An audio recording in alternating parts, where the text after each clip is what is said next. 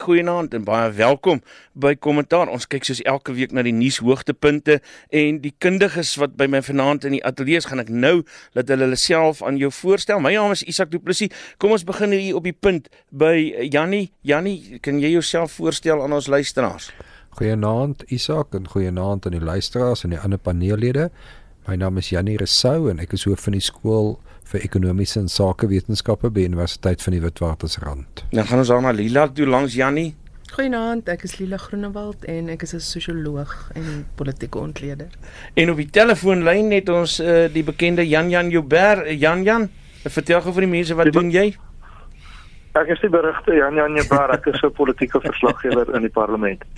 Jan Jan is ook die skrywer van die boek Wie gaan 2019 wen wat op die oomblik druk bespreek word en wat hom dus 'n uh, ideale kandidaat maak om vanaand saam met ons te gesels want een van die eerste onderwerpe waaroor ons gaan praat is uh president Cyril Ramaphosa se eerste 100 dae.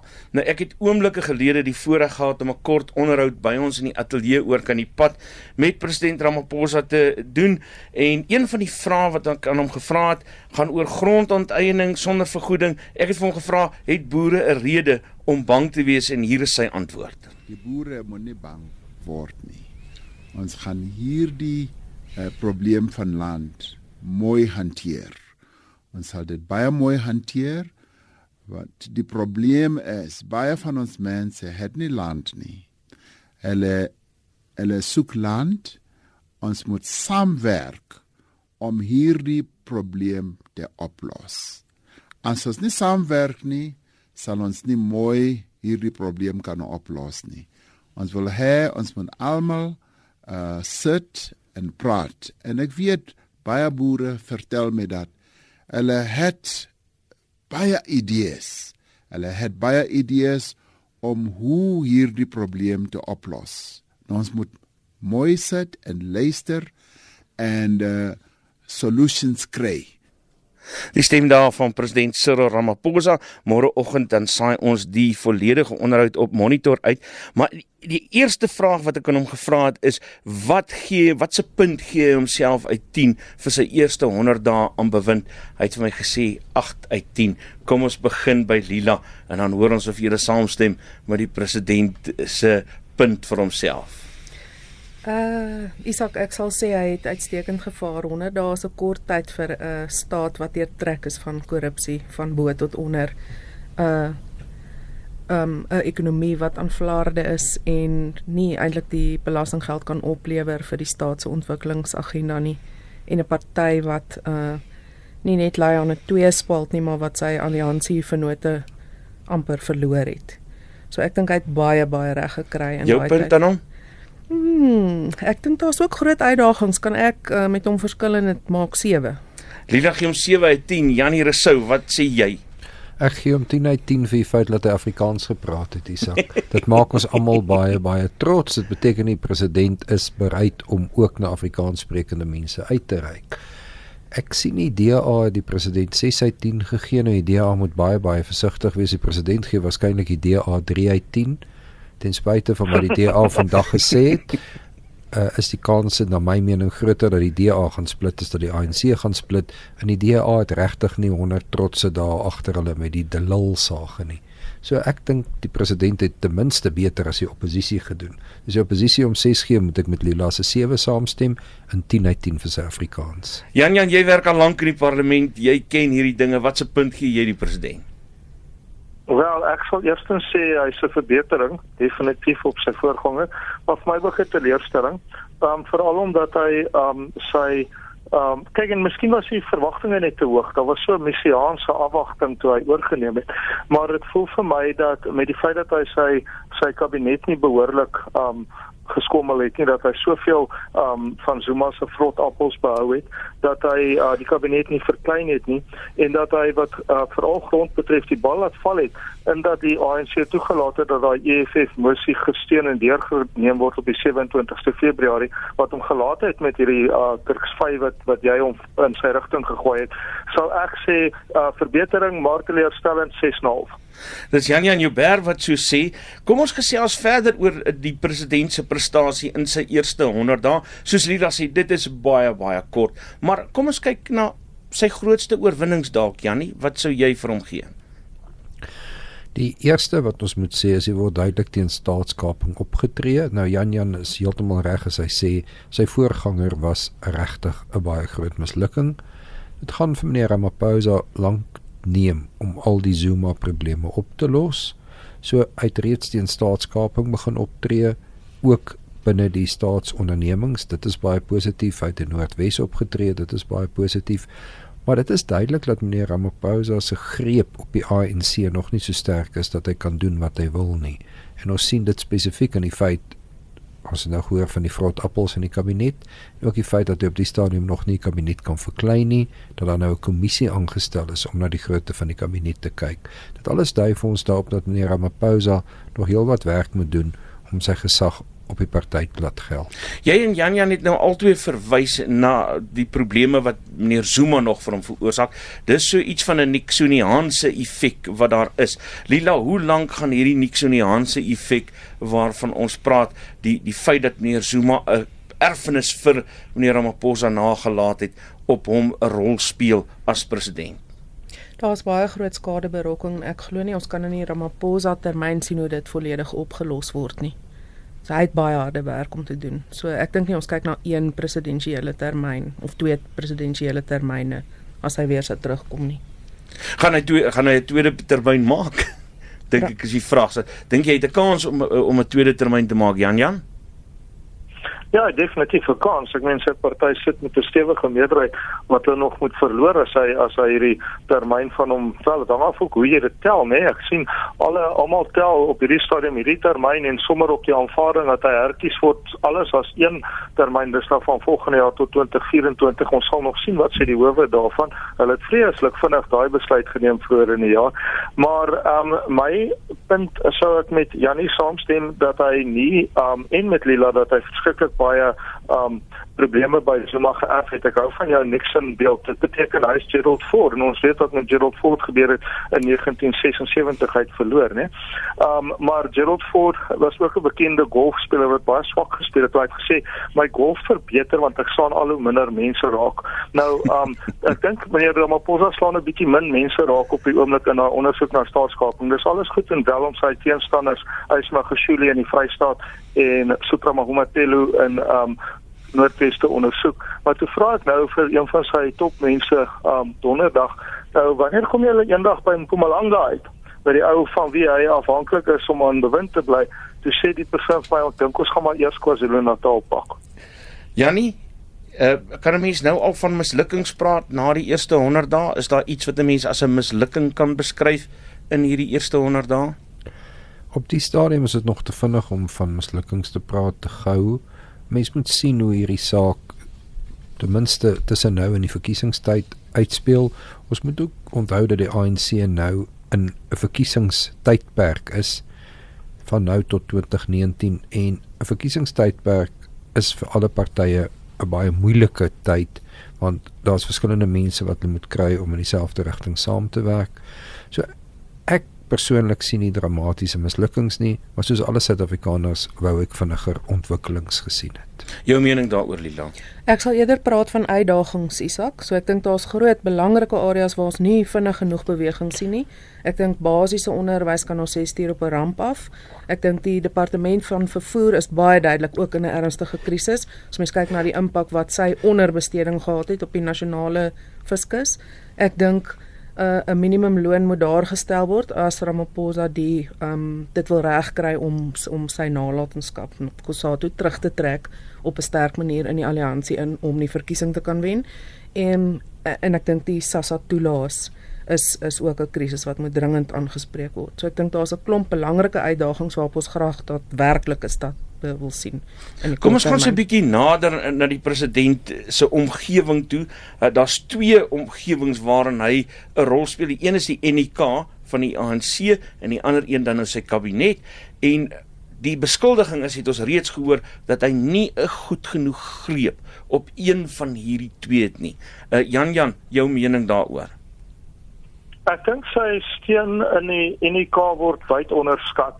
Um my berekening is dat sy steun op die in die UNK op die 80 verkose lede van die UNK is moeiliker as jy ingaan na die na die um die mense wat ex officio daar dien, nou die sekretaris uh, van elke provinsie en die leier van elke provinsie van die ANC, Jeugliga, die Vroueliga, die Veteranenliga en dan die um ander uh, 5 van die top 6. Maar as jy gaan na die 80 verkose lede toe, dan sal ek sê hy het omtrent 56 se steun wat 'n groot meerderheid is en daarom dink ek nie hy het 'n probleem in op daai vlak van die ANC nie, maar dit beteken ook net soveel want uh, Thabo Mbeki en sy stryd teen Jacob Zuma wat ek op die oomblik besig is om na te vors, het in daai tydperk 2005 tot 2007 toe hy sy greep oor die ANC verloor het, ook altyd die die ondersteuning van die UNIK gehad. So dit is goed dat hy die ondersteuning van die UNIK het vir hom, maar dit is nie volkom voorkome nie. Dan wat die kabinet betref, op hierdie stadium lyk dit redelik ons sukkel in die parlementêre perskors met die nuwe minister van kommunikasie en hom Vula Mokonyane wat vir julle in Gauteng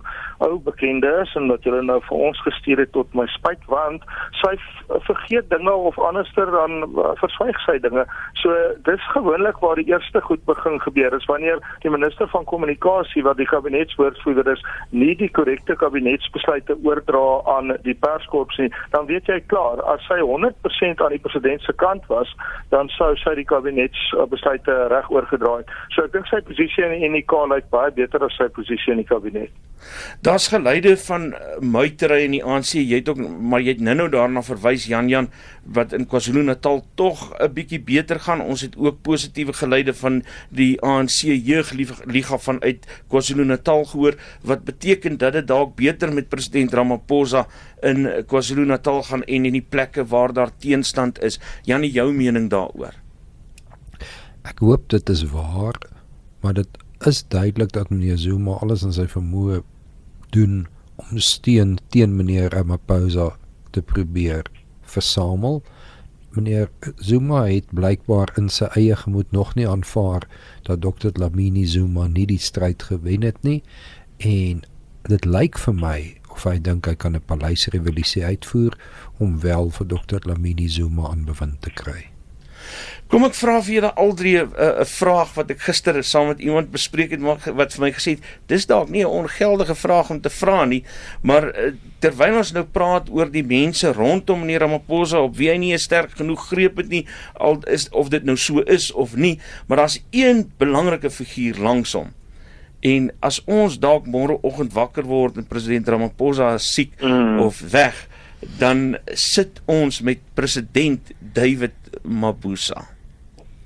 Julle menings nou, daaroor. Dit is my groot vrees. Dit praat my groot vrees daarso. Um jy weet um hy het 'n valstiaanse pak aangegaan met um met David Mabuza met homself as valste en Mabuza in die ander rol. En jy kan nie 'n uh, ooreenkoms met die duiwel aangaan en nie dink die duiwel gaan een of ander tyd sy sak sout kom vra nie. En ek dink um dit is sy groot swakheid en dis hoekom ek bekommerd is as mense vir hom te hoop en te en te veel krediet gee vir meneer Ramaphosa. Want die fondasie waarop sy presidentskap en sy leierskap van die ANC berus is 'n ooreenkoms met iemand wie se as ek dit nou ligtelik kan stel wie se regering in Mpumalanga baie dringend ondersoek moet word. Lila Ek kan net saamgaan met alles wat Jan Jan gesê het. Dis baie kommerwekkend. Hoe voel jy daaroor Jannie? Ja, uh, Jan Jan is heeltemal korrek as hy dit sê, maar dit lyk daarom ook as ons na die verkiesingsuitslag kyk in Desember toe meneer Ramaphosa met 'n baie baie klein meerderheid gewen het dat hy geen ander keuse gehad het as om dit te doen nie.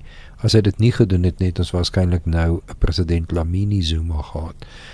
En uh dit sou my nogal bang gemaak het. Ek het liewer 'n 'n adjunk president iemand wat ek nie wil hê nie as om Dr Lamini Zuma as president van die land te hê.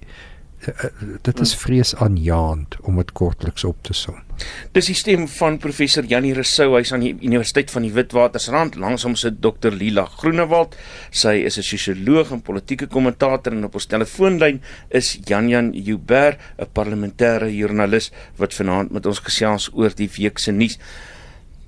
'n ding wat die afgelope klompie weke nou al gebeur, maar wat ook deel is van president Cyril Ramaphosa se 100 dae is Noordwes. Nou die ding het uiteindelik is uiteindelik op 'n spits gedryf en premier Supra Mahumapelo het afhangend van hoe jy daarna kyk bedank of vroeg uitgetree.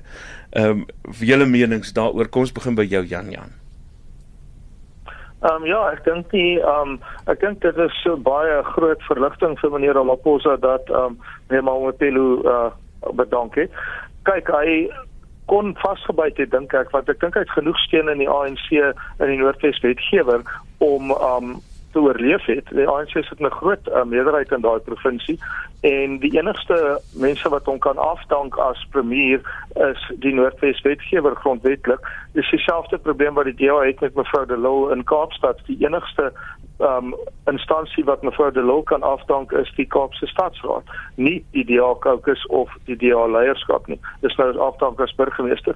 So die lank en kort van die saak is dat ek sou sê wat met Wes betref, is sekerlik 'n verbetering um vir die mense van Noordwes, daar gaan minder opstand en so voort wees dat meneer Mohopelo weg is as premier, maar dat hy aanbly as ANC leier, sê dat hy glad nie weg is nie. Hy is nog daar en hy het nou meer tyd om homself in te grawe as ANC leier omdat hy nie die verantwoordelikhede van die premierskap het nie.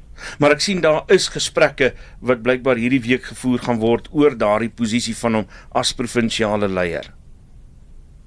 Nou kom ons kyk hoe speel dit uit, maar vir die oomblik is hy beslis nog uh, 'n groot skade weer oor daai vlaktes en daardie um semi-woestyn van die Noordwes en daai mynhope. Janie stem jy saam met Jan Janie oor? Ek stem met hom saam soos wat meneer Zuma nog steeds 'n skade weer oor Suid-Afrika gooi, gooi meneer Mamupela definitief nog 'n skade weer oor Noordwes. En jy Lila?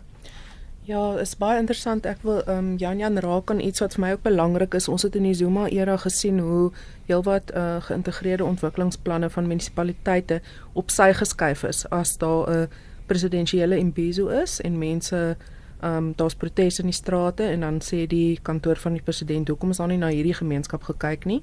Dan skuif ons eintlik ons mees demokratiese meganisme om na gewone mense te luister in Suid-Afrika op sy um wanneer ons dan luister na die kantoor van die president. So hier dink ek dit is my eintlik indrukwekkend dat uh president Ramaphosa nie met 'n te sterk hand te vinnig opgetree het nie, maar stap vir stap onderhandel het hoe hy die saak hanteer het.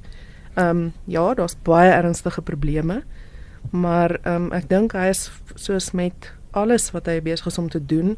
Ek ons as Suid-Afrikaners het baie groot verwagtinge vir regstellende stappe um na die Zuma era en um, om te sê dat byvoorbeeld die um, die optrede teen staatskaping stadig gebeur. Ja, dis dringend en is belangrik, maar ek dink hy is eintlik besig om stap vir stap alles aan te spreek en ek sien sy optrede in Noordwes in dieselfde lig dit gebeur. Ek het 'n ontleding van professor Tefo, ek dink hy's aan Unisa as ek nou reg onthou gehoor die afgelope week toe hy 'n ontleding oor Suprama Mapelo gedoen het, toe sê hy, maar oor 'n jaar of 2 kan hy dalk weer eers gebruik word want die ANC en dis die woorde wat hy gebruik het in Engels, die ANC gooi nooit sy kaders uit in die buitenste duister nie. Is, is dit 'n rede om te verwag dat meneer Suprama Mapelo weer eers sy opwagting kan maak. Jan Jan, wat dink jy? Ek hoop nie so nie, maar dit klink so. Um gelukkig um met politici en met ons gewone mense is ons soms maar 'n verskil in wat ons ontaal verstaan. So miskien bedoel hy dit sterker as wat dit klink. Maar ek, ek hoop regtig so, maar um, ek wens partykeer die ANC en party ander politieke partye wil van hulle kaders nie buitenste ruim inskiet sodat ons nie meer met hulle opgeskeep sit nie sommer as 'n basis geel. Dis Jan Jan Uber wat so sê. Janie, hoe dink jy daaroor? Ek het dan gewonder of van die iewers 'n uh, ambassadeurspos is waar daar min skade mm. aangerig kan word nie. Uh, op 'n ligter noot toe uh, John Foster vir Herman Martins New Orleans toe verplaas het as 'n uh, konsul-generaal toe vra iemand vir hom hoekom so toe te sê as ek hom verder verplaas het was hy nader.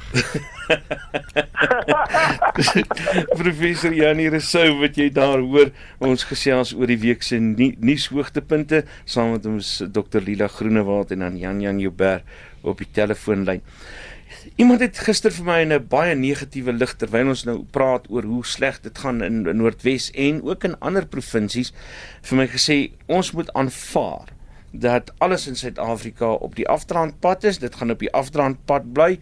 Ons gaan soos die res van Afrika word en sy woorde was dis nie 'n slegte plek om te bly nie, maar jy gaan basies vir jouself moet sorg. Is uh, wat is julle kommentaar hieroor? Kom ons begin nou by jou Lila. Praat ons nou van die munisipaliteite? Is dat- Die provinsies en dit wat ons nou hier gehoor het in Noordwes aan die gang is. Ehm nee, ek wil hê ons moet dan nog vashou aan 'n bietjie hoop dat dinge kan omdraai. Ek dink net die skade is groot wat aangerig is, so dit gaan tyd neem om dit aan te pak. Ehm wat die provinsies betref het ek 'n redelike kontroversiële posisie wat ek dink vir die ANC heeltemal onverteerbaar sal wees en dit is dat hulle is heeltemal onnodig groot en ek weet nie of hulle verskriklik baie bydra aan um goeie bestuur uh in Suid-Afrika nie. So ek dink as ons wil kyk na 'n plek om te bespaar, dan is dit 'n baie goeie plek om te sny en dit is waar baie van die probleme waarvan meneer Ramaphosa moet ontslaa raak sit. Um wat die munisipaliteite betref, ja, daar's 'n Engelse uitdrukking oor die vis wat van die kop af vrot en um dit is natuurlik dis onder Des van Rooyen in hierdie ministerie wat die wat daar so 'n sprong is in die um onreëlmatige besteding. So ek dink ehm um, mens kan nie of net die bokant of net die onderkant van leierskap oplos nie. Jy moet van albei kante af werk en daar's baie werk te doen. Ons gaan nou daar by die munisipaliteite uitkom. Kom ek hoor gou by Jannie, stem jy saam met die amper fatalistiese siening van my gespreksgenoot? Nee, ek is baie meer positief oor die toekoms, dit gaan ongelukkig nog 'n klein bietjie slegter gaan voordat begin beter gaan, want is nou duidelik soos die dinge aan die lig kom hoeveel skade meneer Zuma aan sy kornuite aangerig het. En hy gaan nog meer van die skade aan die lig kom. Byvoorbeeld, ons besef nou eers in watter mate staatsondernemings gebruik is vir staatskaping. En hier gaan nog 'n paar probleme aan die lig kom, maar dit gaan tyd vat om hierdie goed om te draai, maar daar is 'n politieke wil om dit te doen en dit gee my hoop vir die toekoms. Nou kom ons gaan na die munisipaliteite toe want ons weet dit gaan baie baie sleg daar en ek het 'n artikel gelees wat sê dat dit makliker is om die staats uh, maatskappye reg te ruk soos wat op die oomblik gebeur en Jannie ook nou daarna verwys het maar die een ding wat in die moeilikheid is is munisipaliteite want is onderbesteding bankrotskap onreëlmatige uitgawes daai lenings by die FBS bank waarheen is ons op pad Jan Jan Wel, kom ons kyk net eers na die goeie nuus want ons kan nou nou daar's baie slegte nuus, maar daar's ook baie goeie nuus en ek wil sê um Lila dat dit hang af waar jy bly of jy vir of teen provinsies is. Ons in die Weskaap is maar te dankbaar vir provinsies moet ek vir jou sê ons word goed regeer. Maar um die ek wil net vinnig sê die mense in die volgende plekke het rede om dankbaar te wees. Die 33 plekke gaan nie munisipaliteite sê nie, maar die plekke vir die hoofdorpe van hulle is wat 33 skoon audits kry waar die ouditeur-generaal geen kritiek gehad het nie. En dis Piketberg, Woester, Citrusdal, die Parel, Nelspruit, George, Riversdal, Flagstaff in die Transkei, Bredasdorp, Woester, Robertson, Vredendal, Meyerton, Mosselbaai, Middelburg, Bergville, Bredasdorp, Hermanus, Prins Albertport, Shepston wat groot is, Vredenburg, Bakkie Oos in die Ooskaap, Stellenbosch, Malmesbury, Caledon, Emangus in Zululand, Richards Bay, Harding, Aberdeen op die Natalse suidkus, Ceres, Moreesburg en Appington. Dis almal 33 plekke wat ontsettende ontsettende goeie nuus inhou. En dis wat wys wat gedoen kan word. Ek dink die audit reëls in Suid-Afrika is baie streng. Janie sal meer weet daarvan. Maar uh en om 'n heeltemal skoon audit sonder enige enige rooi lig te kry, dit wil gedoen wees. So ek dink nee wat man. Um ek is nie negatief vir die toekoms nie, ek is opgewonde daaroor. Verduidelik vir ons hoe werk daai uh, audits van die munisipaliteite Jannie? Die munisipaliteite is onderwerp aan audit deur die ouditeur-generaal. Baie van daardie audits word natuurlik na privaat firmas uitgekontrakteer. Die ouditeur-generaal het net nie genoeg mense self in diens nie. En die munisipaliteite is natuurlik onderworpe aan die Municipal Finance Management Act, die Municipal Finance Management Act of MFMA. Ek weet regtig nie wat sy Afrikaanse naam is nie, maar waarskynlik munisipale finansiële bestuurswetgewing is die raamwerk waarbinne munisipaliteite hulle sake mag bedryf en hulle audits word natuurlik daarteen gedoen. Nou om die voor die hand liggende probleem te meld is daardie wet sê dat munisipaliteite hulle surplusfondse net by banke mag plaas wat kragtens die bankwet van 1990 geregistreer is. So al die banke wat geld by VBS bank geplaas het wat kragtens die onderlinge bankwet van 1993 geregistreer is, het byvoorbeeld daardie stuk wetgewing oortree en kan per definisie nie 'n skoon audit kry nie. So in kort beteken dit die ouditeur-generaal het bevind dat die 33 munisipaliteite wat Jan Jan genoem het aan al die voorskrifte en regulasies onder meer van die Municipal Finance Management Act voldoen wat nogal eh, 'n uh, taamlike lywige stuk wetgewing is beteken dat die munisipaliteite word soos Jan Jan gesê het baie goed bestuur. Is onder eh, die uitdrukking onreëlmatige uitgawes lila beteken dit dis geld wat gesteel is of is is daar ook ander betekenis aan daardie term? Wel dit kan beteken dit is uitgawes wat nie goedgekeur is in die begroting nie. So ehm um, 'n voorbeeld kan wees daar's 'n kontrak aangegaan met 'n diensverskaffer in 'n munisipaliteit en iemand het nie mooi opgelet wanneer die kontrak beëindig is nie en die die dienslewering gaan voort maar dit was nooit amptelik goedgekeur nie. Dis een manier waarop dit kan gebeur. So dit beteken nie dat dit noodwendige skelm transaksie is nie. Ehm um, wel ek dink as mens in uh, finansiële bestuur wil wees, dan moet jy die wetgewing ken en verstaan wat is jou verantwoordelikhede. Ek dink dit is daar's 'n ernstige probleem as as 'n munisipale ehm um, finansiële bestuurder nie weet wat die verantwoordelikhede is en waar die wat die raamwerk van die wet sê. Lila sê almal reg, maar ek moet sê die sogenaamde voorsieningskettingsbestuur, die supply chain management. Enige organisasie wat daaraan onderworpe is, maak baie maklike klein tegniese fout. En die ouditeure sit baie aandag daarop. So ons is nou nie besig om munisipaliteite wat nie skoon audits te kry nie hier te sit en verdedig nie. Ons sê net 'n mens moet daarom gaan kyk oor wat die bevindinge is. In party gevalle het hulle regtig tegniese reëls oortree, party gevalle het hulle geld gesteel. So ek sê nou nie 'n mens is nie skuldig nie. Ek sê net jy is dan bietjie minder of bietjie meer skuldig in terme van hierdie munisipaliteite. Daar's 'n groot ding, die ding van onderbesteding by munisipaliteite wat amper net so groot rol speel soos korrupsie en die ander probleme by munisipaliteite. Wil jy bietjie vir ons verduidelik wat beteken dit as 'n munisipaliteit so groot deel van sy begroting nie bestee nie? Wat hou dit in? 'n Tipies het munisipaliteite probleme op hulle kapitaalbesteding. Hulle moet ten minste daarvoor hulle met die geld spandeer. En die probleem met onder besteding is dat die kapitaalwerke wat moet plaasvind nie plaasvind nie. Dis hoekom ons rioolplase kry wat nie werk nie. Riool wat in riviere inloop, riool wat in strate inloop en so meer.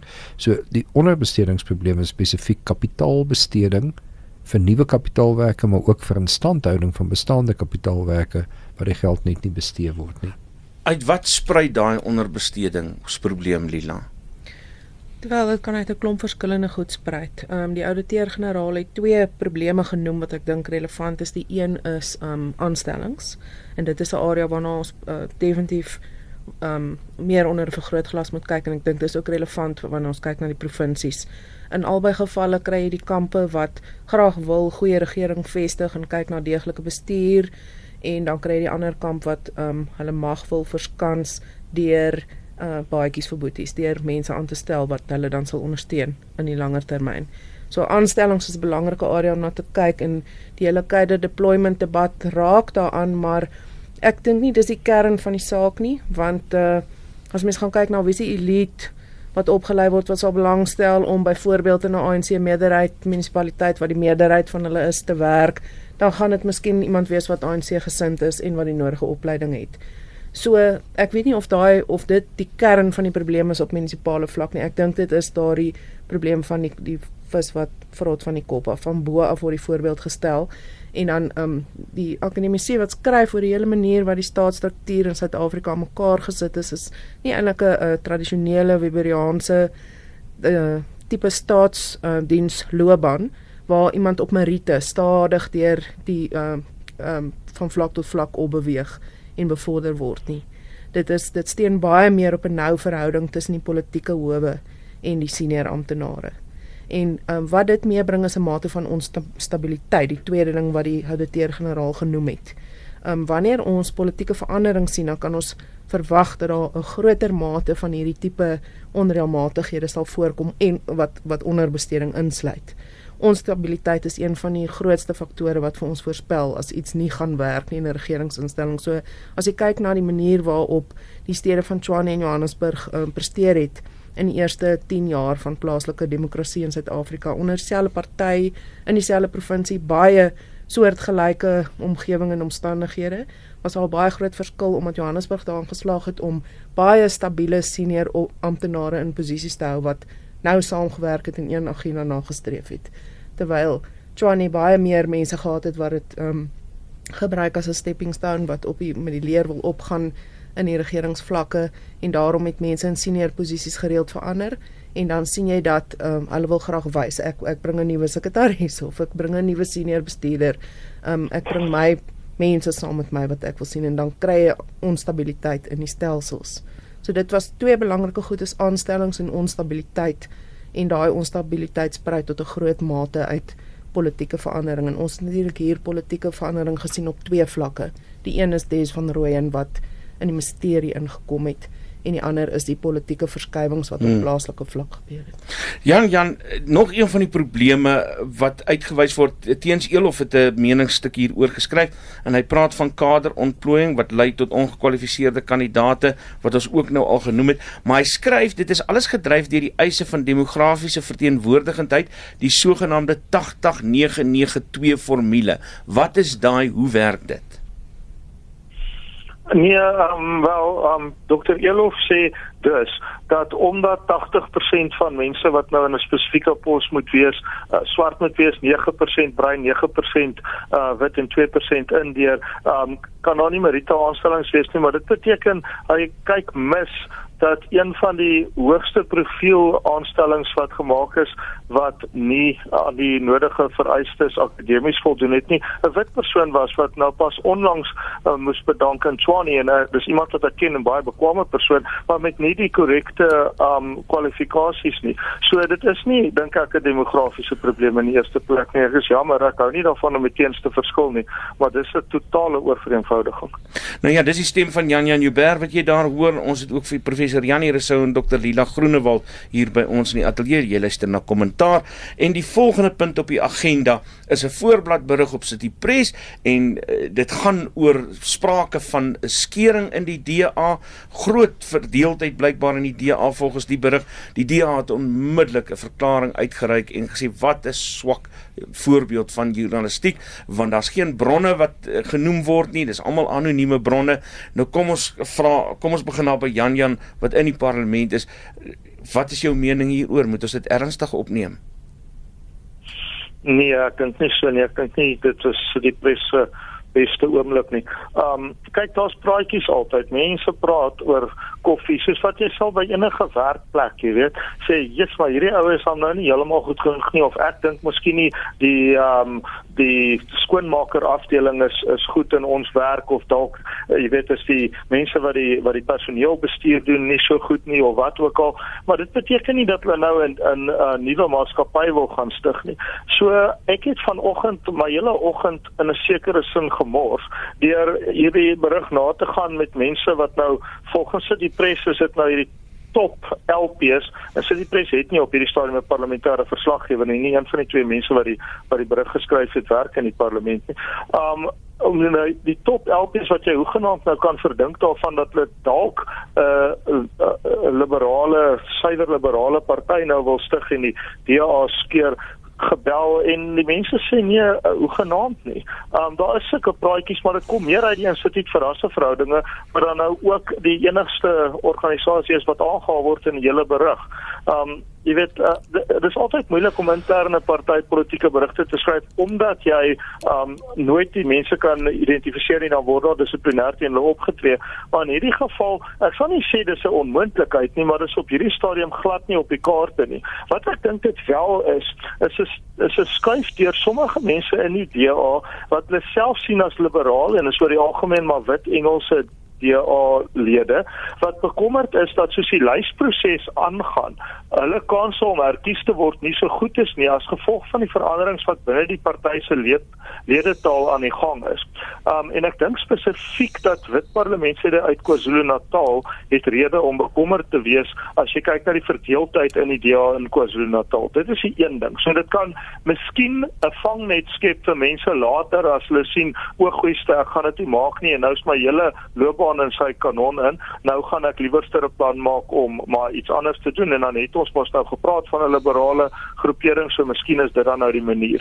Die tweede is om deur die noem van hierdie um denkskool of probleme of wat ook al 'n uh, oorreaksie uh, bykans 'n oorregstelling um te bewerkstellig sodat die DA nou moet sê nee nee nee nee nee nee nee nee nee julle ouens wat dink julle is liberale en wit moenie worry nie. Ons gaan um, mooi na julle kyk en dan versterk hulle posisie in elk geval. So dis my twee lese daarvan nie dat dit op die oomblik 'n korrekte berig is nie en dat dit eerder 'n vleer is wat opgestuur word deur die Instituut vir Rasseverhoudinge as hoof en um dat ander mense later as dinge vir hulle verkeerd loop, miskien daarvan gebruik kan maak. Janie, jy het aan die begin van die program duidelik gemaak uh wat jy dink in die DA aan die gang is. Stem jy saam met wat Janja nou gesê het? Janja het 'n interessante perspektief, maar ten diepste is die DA verdeel tussen wat Jan Jan beskryf as die liberaliste en wat ek dan wil beskryf die nuwe demokrate wat voel dat uh, met die demografiese neiging in Suid-Afrika oor die volgende 10 jaar gaan die 9% blankes waarskynlik afneem na 5 of 6% en dat daar nie regtig 'n magsbasis daar vir die DA is nie. As die DA enige indruk in Suid-Afrika op die politiek wil maak, moet hulle na die swart meerderheid beweeg. En inherent, na my mening, is daar spanning rondom hierdie beweeg van 'n ou liberale party na 'n nuwe demokratiese party. Lila, jou mening daaroor? Ja, ehm um, ek stem saam. Ek dink ons kan glad nie praat van iets soos 'n suiwer sosiaal-demokratiese of 'n suiwer liberale party in Suid-Afrika nie. Ehm um, die die die die beleidsraamwerke van die groot partye is net nie so so duidelik binne 'n 'n 'n sekere raamwerk nie. Ehm um, maar verseker gaan die DA minder relevant raak in die volgende verkiesing eerder as meer relevant. Ehm um, president Ramaphosa is besig om die ANC se posisie te versterk. So ehm um, ja. Jy kan sê dan gaan aan jammer. Ehm um, ja, dit is eintlik maar wat ek wil sê. Ja, ek ja. dink Ja, ek dink mense skryf idee voor elke verkiesing af en elke keer dan um gebeur dit nie. Uh en die rede daarvoor is baie eenvoudig. En dit is dat elke politieke party hou die heil van sy eie toekoms in sy eie hande in 'n groot mate. En my gevoel is dat politieke partye wat onder mekaar stry en baklei doen swakker en politieke partye wat nie onder mekaar stry en baklei nie wat saamwerk um doen beter. So ek dink wat die DA behoort te doen eerder as om joernaliste aan te val al is hulle ook verkeerd of die ANC aan te val of meneer Ramaphosa swak punte te gee of wat ook al soos Janie aan die begin uitgewys het, um, kan ek ja gerus vir sy eie deur vee. En hy kan begin reg hierso in Kaapstad. Um en ek dink hulle moet harder probeer om 'n politieke oplossing te vind vir die Delol probleem. Um dit is ongetwyfeld sodat onder Afrikaanse kiesers wit en bruin um dwars oor die land soos wat ek oor die land op hierdie stadium beweeg met die bekendstelling van die boek. Um kan ek sien dat Afrikaanse mense voel daar's 'n skroef los in die DA en ek weet nie dit gaan heel waarskynlik weier. Wat die ANC betref, hulle het hulle eie probleme. As daar môre 'n verkiesing is, weet ek nie wat gaan hulle maak in KwaZulu-Natal of in die Noordwes nie om net twee provinsies te noem wat die EFF betref, hulle het hulle eie probleme. Daar's 'n groepering van hulle wat apart wil staan, daar's 'n groepering wat meer met die oppositie wil saamwerk, daar's 'n groepering wat meer met die ANC wil saamwerk. Maar uiteindelik gaan dit gaan daaroor dat elke party moet homself as 'n as 'n as 'n netjiese opsie, as 'n verleidelike opsie vir kiesers Nou, want kiesers hoef nie te stem nie. Om op te staan op stemdag eerder en daar in 'n ry te gaan staan om vir mense te stem wat jy nie eens ken nie, eerder as om te braai of in die bed te bly of vir jou um familie te gaan kuier of jou vriende oor te nooi, um dit is 'n besluit van die kiesers en geen kiezer gaan vir 'n party stem wat onaantreklik is nie. Dit dink ek is is nader aan wat wat die situasie nou is. Baie dankie. Jy het geluister daarna die stem van Jan Jan Joubert, politieke joernalis by die Parlement. Hier in die ateljee was professor Janie Rousseau. Hy is aan die Universiteit van die Witwatersrand en Dr Lila Groenewald, sy is 'n sosioloog en politieke kommentator. Dis eh, die paneel wat vanaand hulle kundige menings met ons kom deel het na aanleiding van die week se nuus hoogtepunte. Baie dankie aan elkeen van julle se deelname. Ek moet groet. My naam is Isak Du Plessis. Tot volgende Sondag selfde tyd, selfde plek, dan bring ons vir jou weer al die nuus hoogtepunte. Ons hoop jy het 'n baie baie lekker week.